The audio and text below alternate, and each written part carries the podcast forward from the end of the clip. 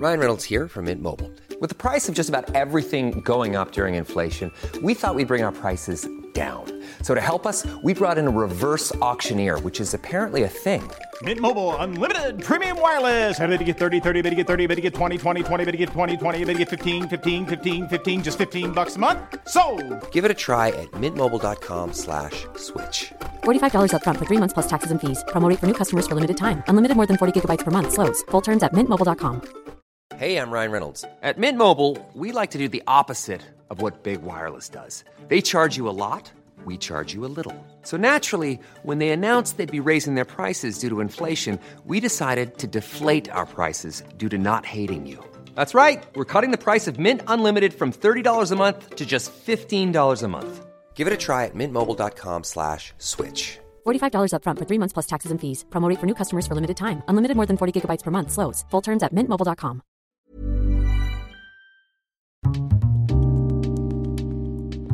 Det här programmet handlar om en noga utvald bok och ett samtal med dess författare. Välkommen till Lära från lärda. Fredrik Hilleborg vid micken och den här veckan har jag en bok i min hand. Den heter Utvecklingspsykologiska perspektiv på utveckling och lärande i skola och förskola. Välkommen säger jag till Gunilla Guvå. Tack. Jag brukar alltid börja med att gästen får presentera sig, så du kan få göra det. Ja, som sagt var heter jag Gunilla Guo och jag är psykolog, disputerad i eh, psykologi och jag har jobbat inom, eh, som psykolog inom förskola och skola jättemånga år. Eh, där jag framför allt har varit en person som pedagoger och lärare har kunnat anlita när de har haft en, eh, någon form av arbetsproblem. Det kan gälla ett enskilt barn, en grupp eller föräldrakontakter som de behöver hjälp att diskutera. Och den här boken, vad brukar du säga att den handlar om?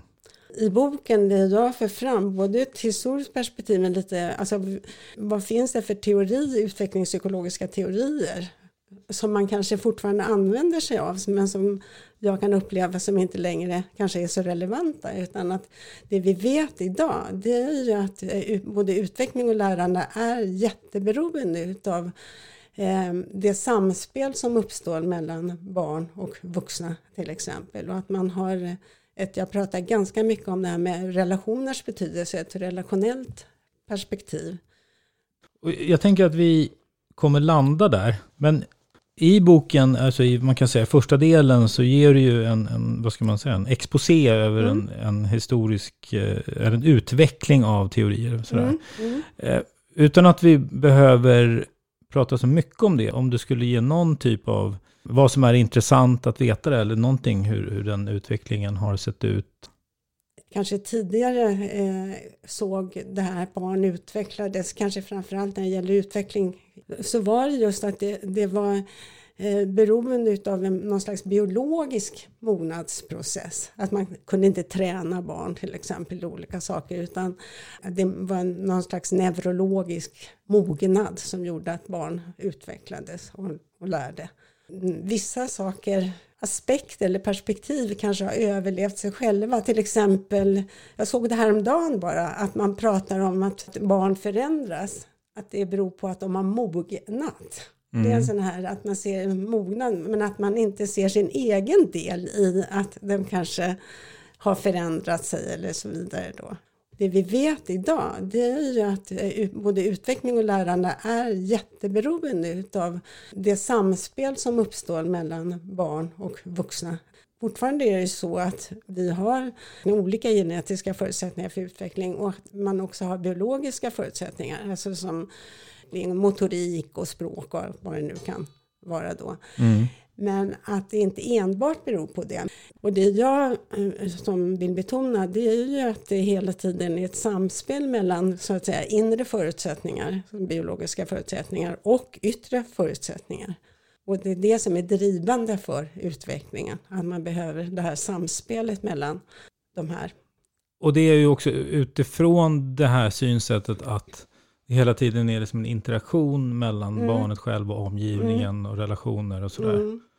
Som är en del av beteendet. barnets beteende. Eller tänker jag rätt då? Alltså, alltså att barnets beteende kan också förklaras med Mm, både... ja, ja, ja, men precis. Eh, och vuxna, alltså det, det är ömsesidigt tänker jag, för det är också någonting som jag tror att, jag vet inte om det går fram i, i boken, men att barn är ju också aktörer. Vuxna är aktörer, omgivningen är, som, det är som två subjekt eller vad jag ska kalla det för. Mm. Eh, så att eh, vuxnas beteende eller bemötande blir ju också beroende av hur, vad barn bjuder upp till brukar jag säga. Jag tror jag skriver det, att det är, det är otroligt viktigt att fundera över det och det tycker jag är någonting som jag har använt mig jättemycket av som psykolog i förskola och skola. Alltså istället för att kanske diskutera vad, vad ska vi göra, vad är rätt och vad är fel och så vidare. Så just att man kanske inte har så mycket handlingsalternativ som vuxen därför att barn bjuder upp till någonting som gör att man kommer att bemöta det på ett sätt som de själva har regisserat eller vad jag ska kalla det om det förstår vad jag menar. Och det är den, den här dynamiken som jag tycker är så viktig att titta på. Att bli också medveten om vad barn bjuder upp till och varför de bjuder upp till det de bjuder upp till. Mm. Och där tycker jag just det här med att det jag tycker att jag som psykolog har kunnat hjälpa till med, det är att se att, jag satt sett och läst om det i en av mina de här examinationsrapporterna just nu, att, att mm, personalpedagoger kan säga till exempel, nej men det är bara för att få, det här barnet gör som man gör bara för att få uppmärksamhet. Och om man tolkar på det sättet så kommer man kanske hamna i eh, det här, men då ska vi inte förstärka det om man har ett inlärningspsykologiskt perspektiv till exempel, utan då ska vi ignorera det. Och det här finns ju en del skolor. Då. Medan om man tänker att det här barnet gör så därför att han vill bli sedd, alltså bekräftad eller någonting sånt där, då kommer man också bemöta det på ett annat sätt. Hur kan vi bekräfta det här barnet? Hur kan vi visa att vi ser honom eller henne utan att man för den del har accepterat beteendet eller någonting sånt där. Men just att, förstår du hur jag tänker? Ja, ja, ja, jag förstår. Mm.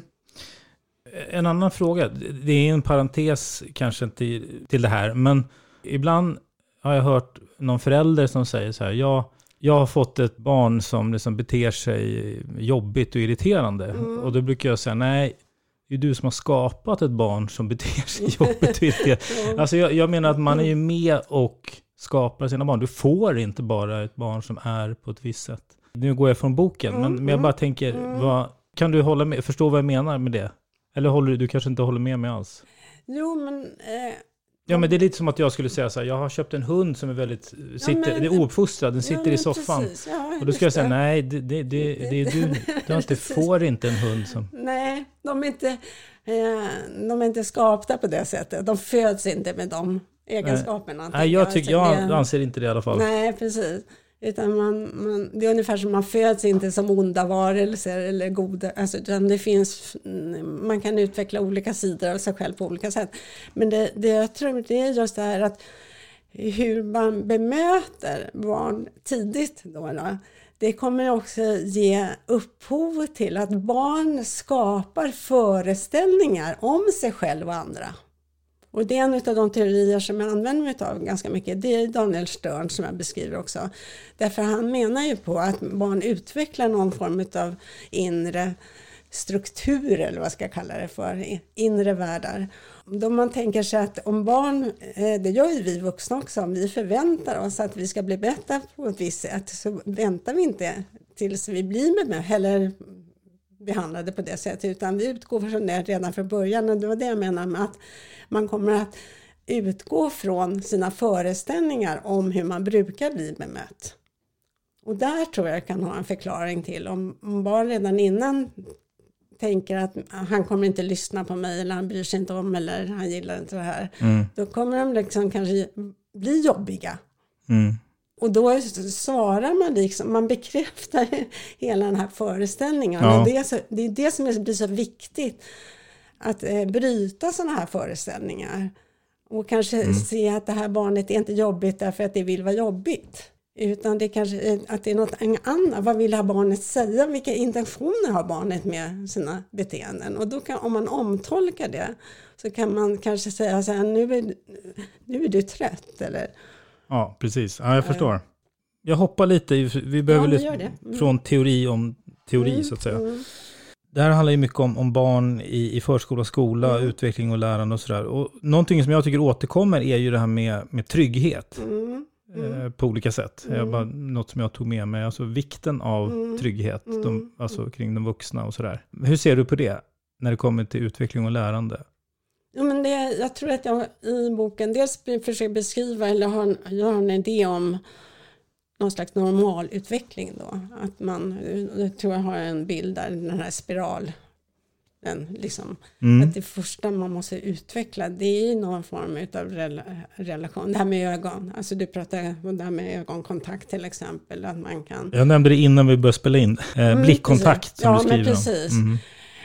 Att- den tryggheten, alltså att man har skapat någon slags relation där man har, får till det här, alltså överhuvudtaget det här relaterandet. Så kan man inte gå vidare i ett lärande. Om du inte har en bra relation till en lärare, eller om du har en dålig relation, man kan ju ha en nollneutral relation också, men, men om du har en dålig relation så kanske du inte lyssnar på den läraren överhuvudtaget. Och det var jätteintressant, jag läste Ehm, häromdagen i DN om de här barnen som är på sådana här HVB-hem och det, och SIS-hem. Och då var det en artikel om eh, någon av de här, de är så utsatta just nu, men, men som tycker att de har jobbat ganska bra. Och det blev jätteintressant, för det bekräftar precis mina tankar. Att när de här ungarna kommer som är, de har ju verkligen föreställningar om världen. Alltså de är, det är som någon av de här eh, eh, intagna då hade sagt att Eh, de var beredda att skapa kaos det första de gjorde när de kom till det här. Men då hade de blivit mötta på ett sätt som de inte hade väntat sig. För det, det första är inte att man börjar tala om vilka ordningsregler som gäller på det här stället, som man ofta gör ganska fyrkantigt. Eh, utan sagt, är du hungrig? Och då skapar man en sån här effekt. Det hade de i den här ungdomen inte vänt, väntat sig. Och, och är du hungrig och så ger man dem mm, choklad eller något. Förstår du? Alltså just det här att man skapar det här och det jag försöker framhålla i boken det är att eh, inte tro då att den här tidigare, om barn har en tidigare trygghet, att, eh, att man kan utgå från det utan man måste, all, alla, allt lärande, allt, alla utvecklingsprocesser måste börja med att man börjar från början. Och Man börjar inte behandla ett spädbarn, om du förstår vad jag menar, med att tala om för dem vad som gäller här i världen. Nej, du måste börja bygga en relation från ja, början. och det, det här Ja. med att man, man, man pratar, när det gäller spädbarn så pratar man, du som har en tvååring, att eh, någon slags villkorslös kärlek. Alltså ett spädbarn får, får faktiskt bestämma när det är hungrigt, trött och så vidare. Men sen så reglerar, utmanar man barn och reglerar det här så småningom. Men du kan inte göra det om du inte har den här anknytningen som vi pratade om tidigare också Mm. då till barnet. Så att just den här någon slags inre, och det tror jag när jag nämner eh, Homberg Eriksson till exempel, han, han menar att den här tryggheten, den, den är någon slags, jag kommer inte ihåg ärligt talat nu riktigt vad, för jag tror jag citerar honom, men att det är någon slags inre visshet. Alltså att barn som är trygga, de är på något sätt, de, de landar i det här att man har någon slags grundläggande till, tillit eller tilltro till andra, till omvärlden. Sen måste man ha lite misstro också.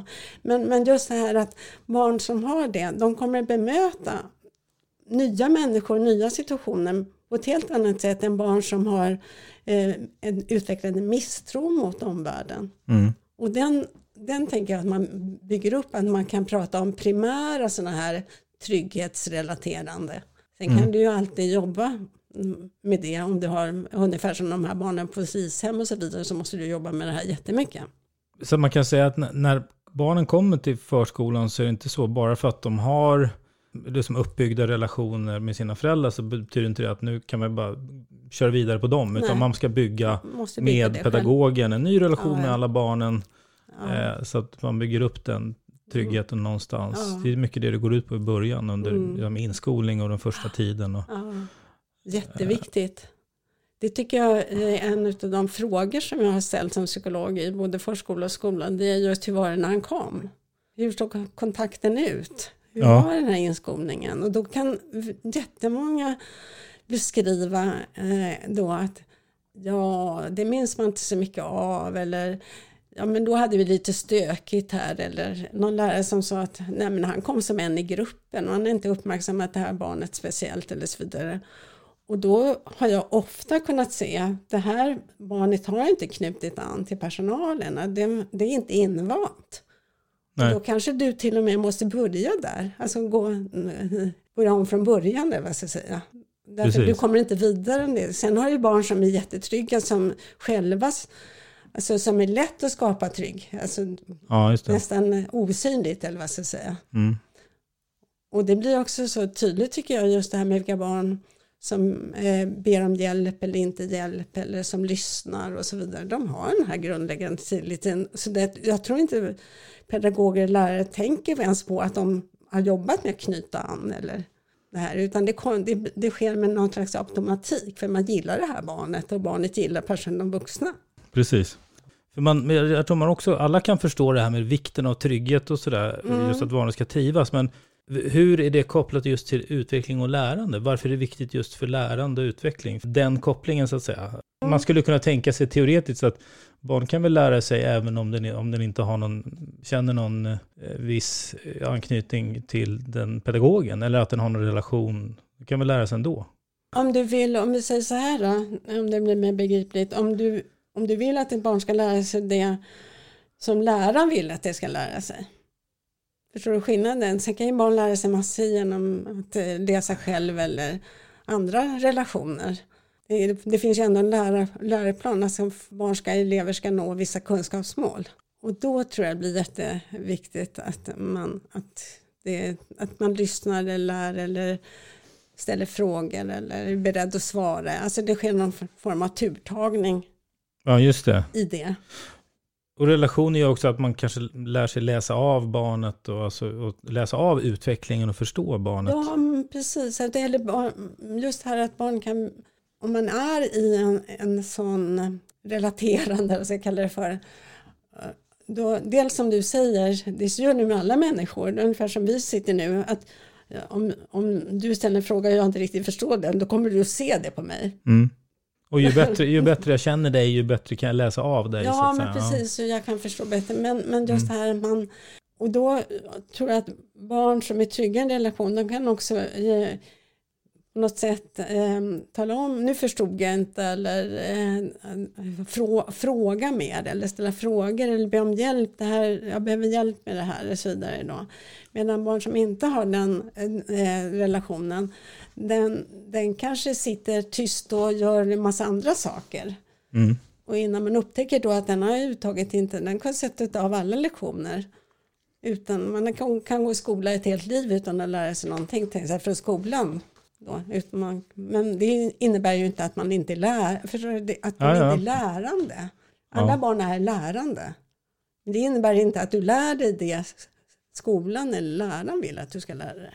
Och det tycker jag är också en sån här viktig fråga som jag brukar ställa till lärarna när de beskriver att eh, eh elever inte gör som de säger. Så då ställer jag just den frågan. För då tror man ofta, apropå det här med teorier, att det är någonting fel med barns begåvning och det ska utredas och så vidare. Men om man ställer frågan då, är han lärande? Då måste de tänka på ett annat sätt. Därför mm, då kan man säga att de här barnen lär sig ofta utanför skolan. En massa olika saker. Men de lär sig inte, skol- inte lärande i skolan. Ja, just Och det. det är ett jätteproblem. Jag skrev ner en, en, eh, ett citat här. Vikten av utmaningar Mm. och att barn alltså, utmanas eller utmanar sig själva. Om, man Mm. in, om de inte gör det så, så riskerar de att fastna på sin Mm. nivå. Mm. Alltså vikten av utmaningar, Mm. att de utmanas. Ja, och hur tänker du? Ja, jag, jag, tyckte det var intressant. Ja. Eh, alltså, alltså att hela tiden, just det handlar om det här med Mm. utmaningar. Det kanske är den här spiralen också. Ja, man, pre- precis. en den- rörelse. Ja, exakt. Därför att, eh, jag lät faktiskt en lärare läsa igenom ett kapitel där, som handlar just om det här med min egen, mina egna tankar om utveckling. Och och hon tyckte just att det hon hade fastnat för, det var just det här med, som hon inte hade tänkt så mycket på, det var vikten av att utmana elever. Och det tycker jag just det här att man pratar om anpassning, jag tror jag tar upp det, och där finns risken, nu skulle jag vilja rita, för om du tänker dig att du har en sån här figur med en, en spiralliknande, ungefär som med ett säcken. om du inte utmanar då kommer du fastna hela tiden på samma. Mm. Medan du, just det här måste höja ribban hela tiden. Och då skapar man också någonting som jag tror jag försöker i alla fall beskriva i boken. Eh, någon form av frustration hos vissa barn. Alltså, och jag tar upp skillnaden mellan barn som hela tiden själva utmanar. Det här är grit som man pratar om idag. Mm. De behöver vi inte jobba med för då är det nästan så att de utmanar oss istället, vuxna. Att hänga med i deras utveckling. Och det tror jag är barn som är jättelärande. Och, och väldigt ofta barn som faktiskt har koncentrationssvårigheter i skolan därför att de utmanas för lite och då blir det tråkigt. Mm. Och då blir de okoncentrerade, det blir vi också om vi tappar intresset. Antingen är det för svårt eller för lätt eller tråkigt och så vidare. Då. Men just det här att hela tiden tänka på att man, alla barn måste utmanas och då fundera på vilka barn är det som inte utmanar sig själva och, och som inte låter sig utmanas.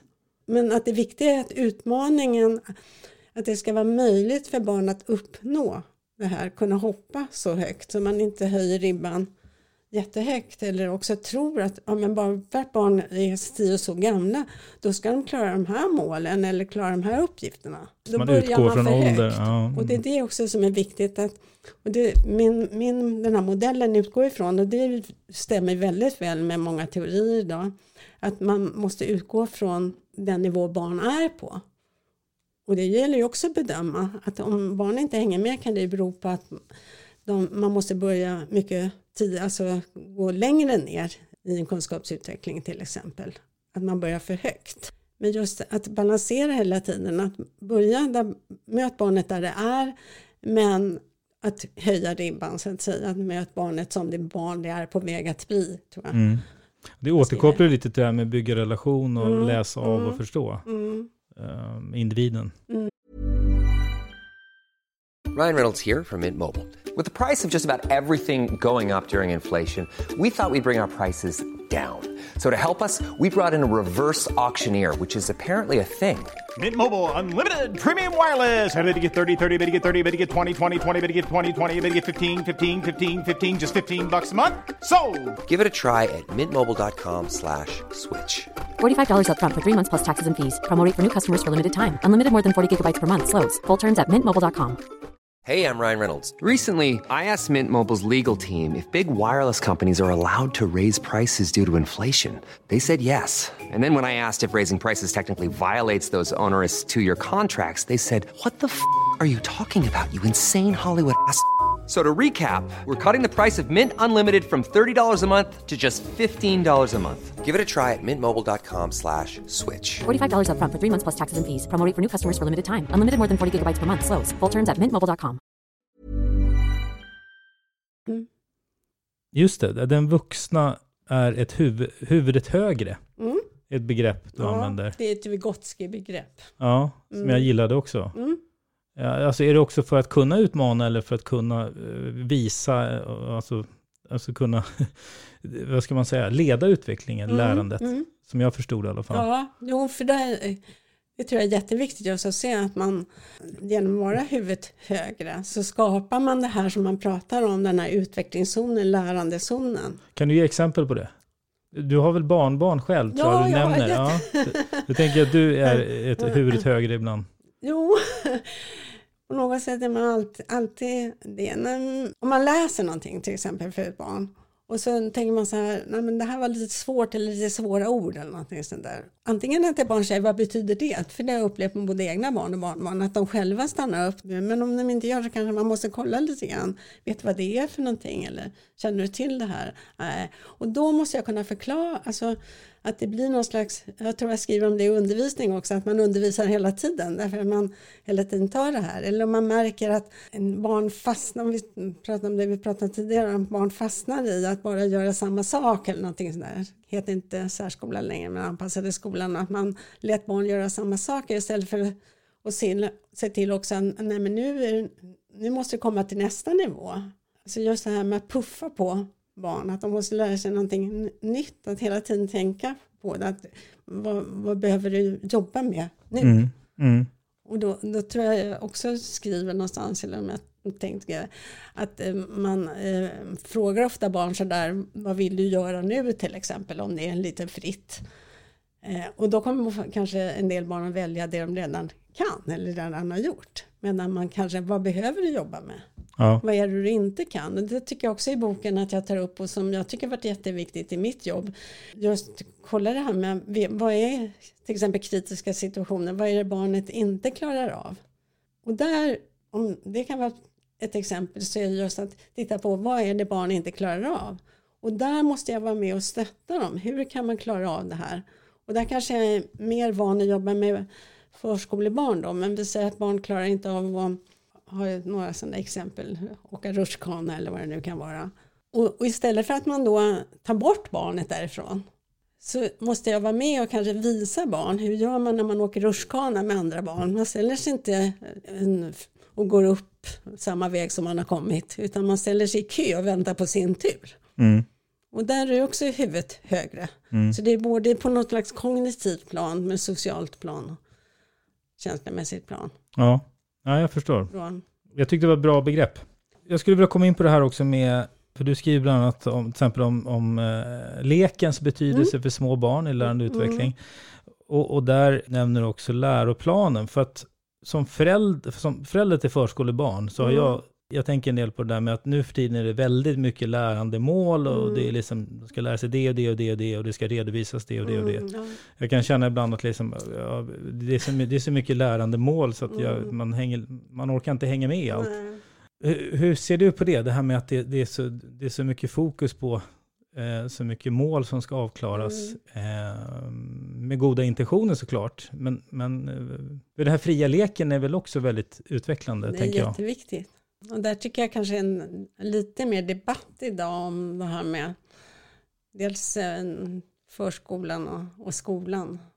När begreppet lärande fördes in i förskolan så kan jag väl ärligt talat säga att jag var inte så jätteförtjust. Men, men det har jag accepterat att om man ser lärande som ett vidare begrepp, inte bara kunskapsinriktat eller om man tänker skolan eller prestationsinriktat. Men att skolan, det tror jag beskriver att eh, förskolan har ju blivit en undervisningsinstitution som den inte har varit tidigare.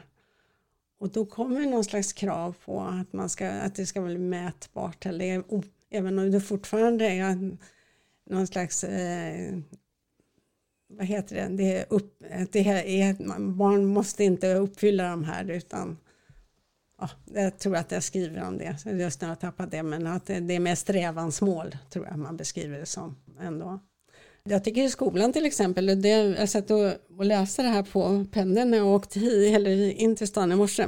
Och då kan man se skillnaden tycker jag med förskola och skola. Att i förskolan ingår ju fria leken som en del av den pedagogiska verksamheten. Medan i skolan är det raster. Ungefär som pauser. Ja, just det, det är så utanför. Den... Ja, det är ungefär som att det, man ser inte att det är en del. Alltså, jätte, man skulle kunna säga att raster är, man kallar det fri lek eller vad kallar någonting annat, men rast är som en paus på något sätt. Mm. Då får ungarna göra vad de vill. Eh, och jag tror att i boken så hänvisar jag till ganska mycket forsk, forskning just om det här med att att lekens betydelse för att utveckla, inte bara att ha roligt eller vad ska jag säga, utan att det är kognitivt, socialt, emotionellt, alltså det är oerhört viktigt. Och att, eh, att just ta, fånga in de här barnen som inte, vad ska jag säga, kan leka. Mm. Och det skriver jag ganska mycket om, just det här med att eh, hur, hur kan jag utveckla det är också ett lärande. Hur lär man sig leka? De teorier jag hänvisar till då är ju att den tidiga leken den är just i samspel mellan vuxna barn, föräldrar. Man, den forskning som finns är ju mellan mamma och barn, det, behöver inte vara, det är inte det så idag, men just att man ser att den tidiga leken är ett samspel, alltså där man läser av varandra, man kollar med varandra, är det här okej okay eller inte? Mm. Och sådana saker. Och, och det, den sociala kompetensen den är oerhört viktig i alla sammanhang. Mm, som kan tränas då på raster? Ja, eh, bland annat. Precis, ja. ja, därför, som, jag menar bara, jag tror att ett exempel, jag tror jag tar till ett, som jag hade i ett, en handledningssituation, en psykolog som beskriver att ett barn som inte ja, måste alltid ha sista ordet. Det var liksom massa olika saker. Men han är jättebra på att spela fotboll och när jag åkte hem från den här handledningen så funderade jag jättemycket på vad menar man med att vara bra på fotboll? Mm. Är det att skjuta bollen i mål eller är det att kunna, faktiskt att det är ett lagarbete. Alltså de som är duktiga på fotboll är inte att de bara är duktiga på att sparka bollen utan de just det här kan se det här hur man samspelar med andra för att få bollen i mål. Mm. Och det kan man, menar jag, träna jättemycket. Och det tycker jag Mm. att jag kan se på mina egna barn, men även barnbarn, alltså, som jag haft förmånen att ha. Då, hur man kunde sitta på golvet och vi, hur de så oerhört snabbt fattar det här med om jag rullar en boll till dig så rullar du tillbaks den. Medan barn som inte fattar att den ska rulla tillbaka bo- bollen. Och där menar jag att man kan faktiskt träna, eller vad ska jag kalla det Mm. Det och utveckla det. Men då måste man ju syssla med de aktiviteterna också. Ja, för det du lyfter fram här, om jag, du får rätta mig om jag har fel, men just om man tänker på det här med raster så är ju, för det är en arena där de också utvecklas oavsett man är där eller inte, Mm. men man som vuxen kan vara där och vägleda. Och det handlar ju inte om att ha ett inrutat schema, utan Nej, snarare nej. att man, man, man hjälper dem och stöttar dem, eftersom det också är ett lärande som är liksom Ja, det lika viktigt ja, som jätteviktigt. Om du ska få mm, ungar att fungera på lektioner och de, då, då ser du direkt på rasterna vilka barn som inte alltså, just kan vara med andra eller vad ska jag kalla det för. Alltså som ska dominera hela tiden, bestämma över andra eller ja, bara ta bollen och själv eller någonting sånt där. Mm.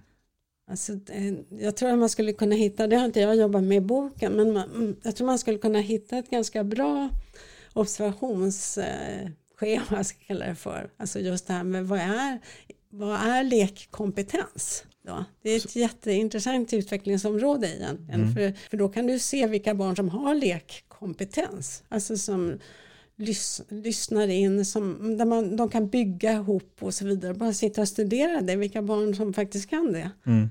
Och vilka barn som inte kan bygga ihop utan styr, alltså hela tiden styr byggandet till exempel. Och andra underordnar sig. Eller.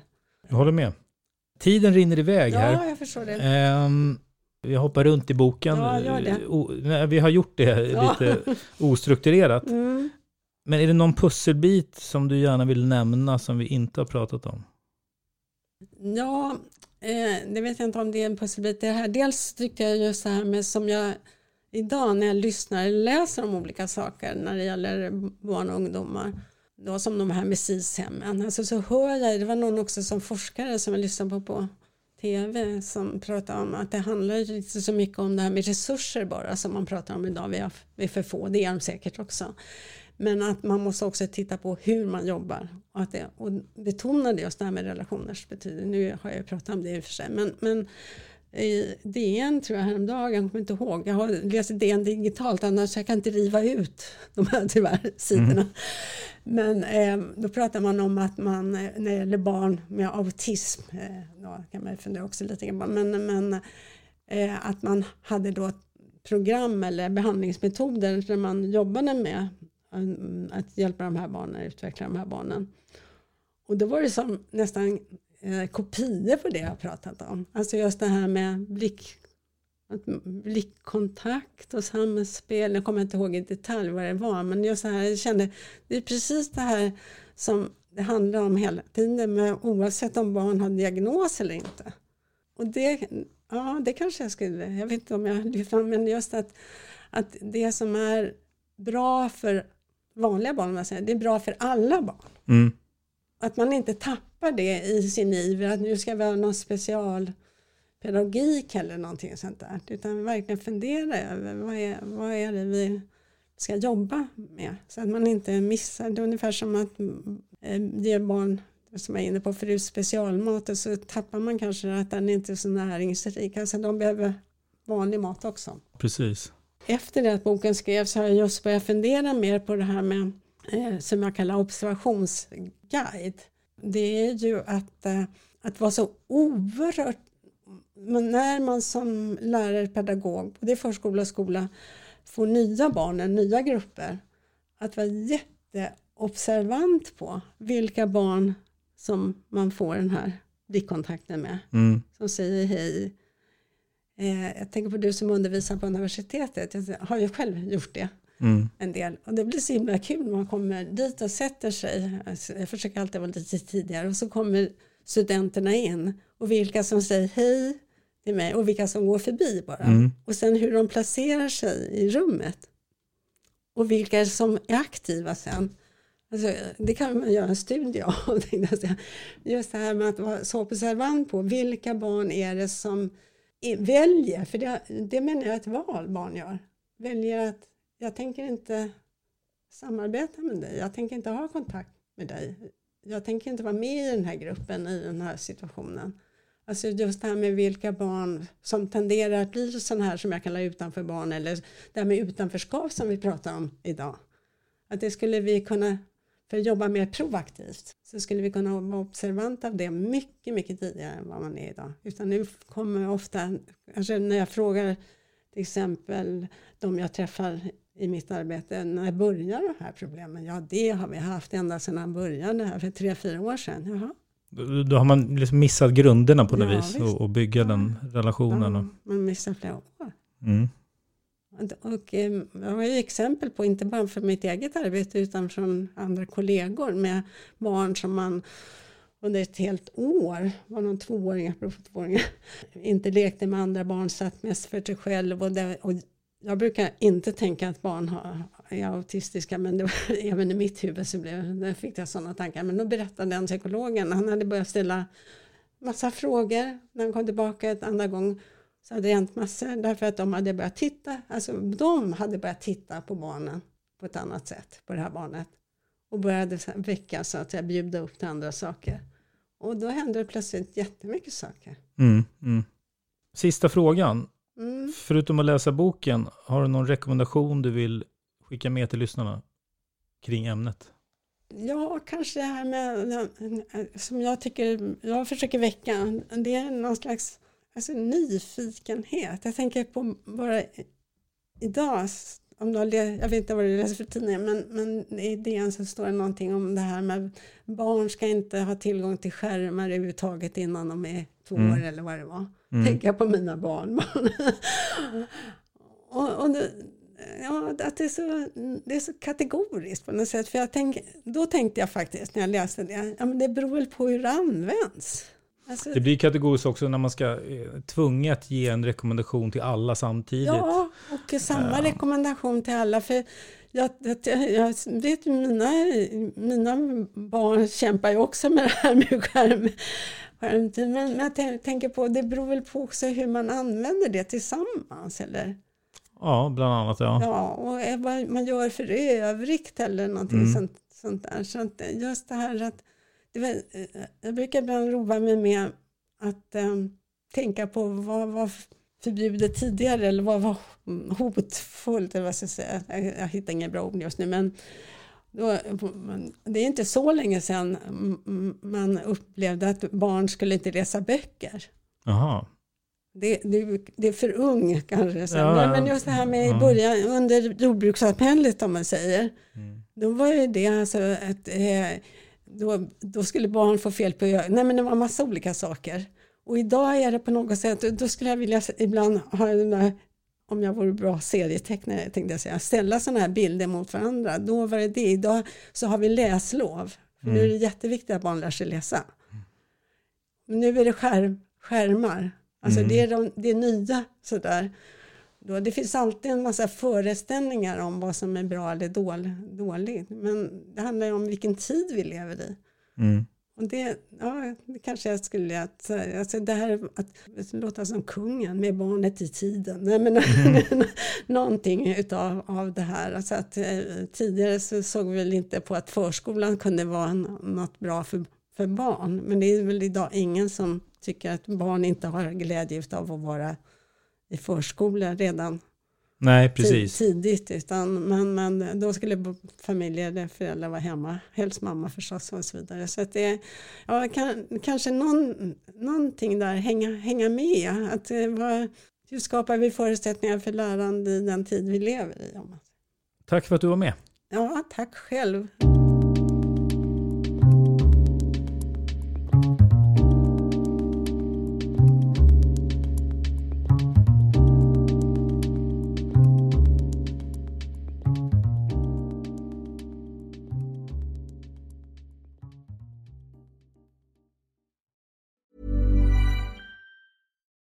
Join us today during the Jeep Celebration event. Right now, get 20% below MSRP for an average of 15178 under MSRP on the purchase of a 2023 Jeep Grand Cherokee Overland 4xE or Summit 4xE. Not compatible with lease offers or with any other consumer incentive offers. 15,178 average based on 20% below average MSRP from all 2023 Grand Cherokee Overland 4xE and Summit 4xE models in dealer stock. Residency restrictions apply. Take retail delivery from dealer stock by 4 1. Jeep is a registered trademark.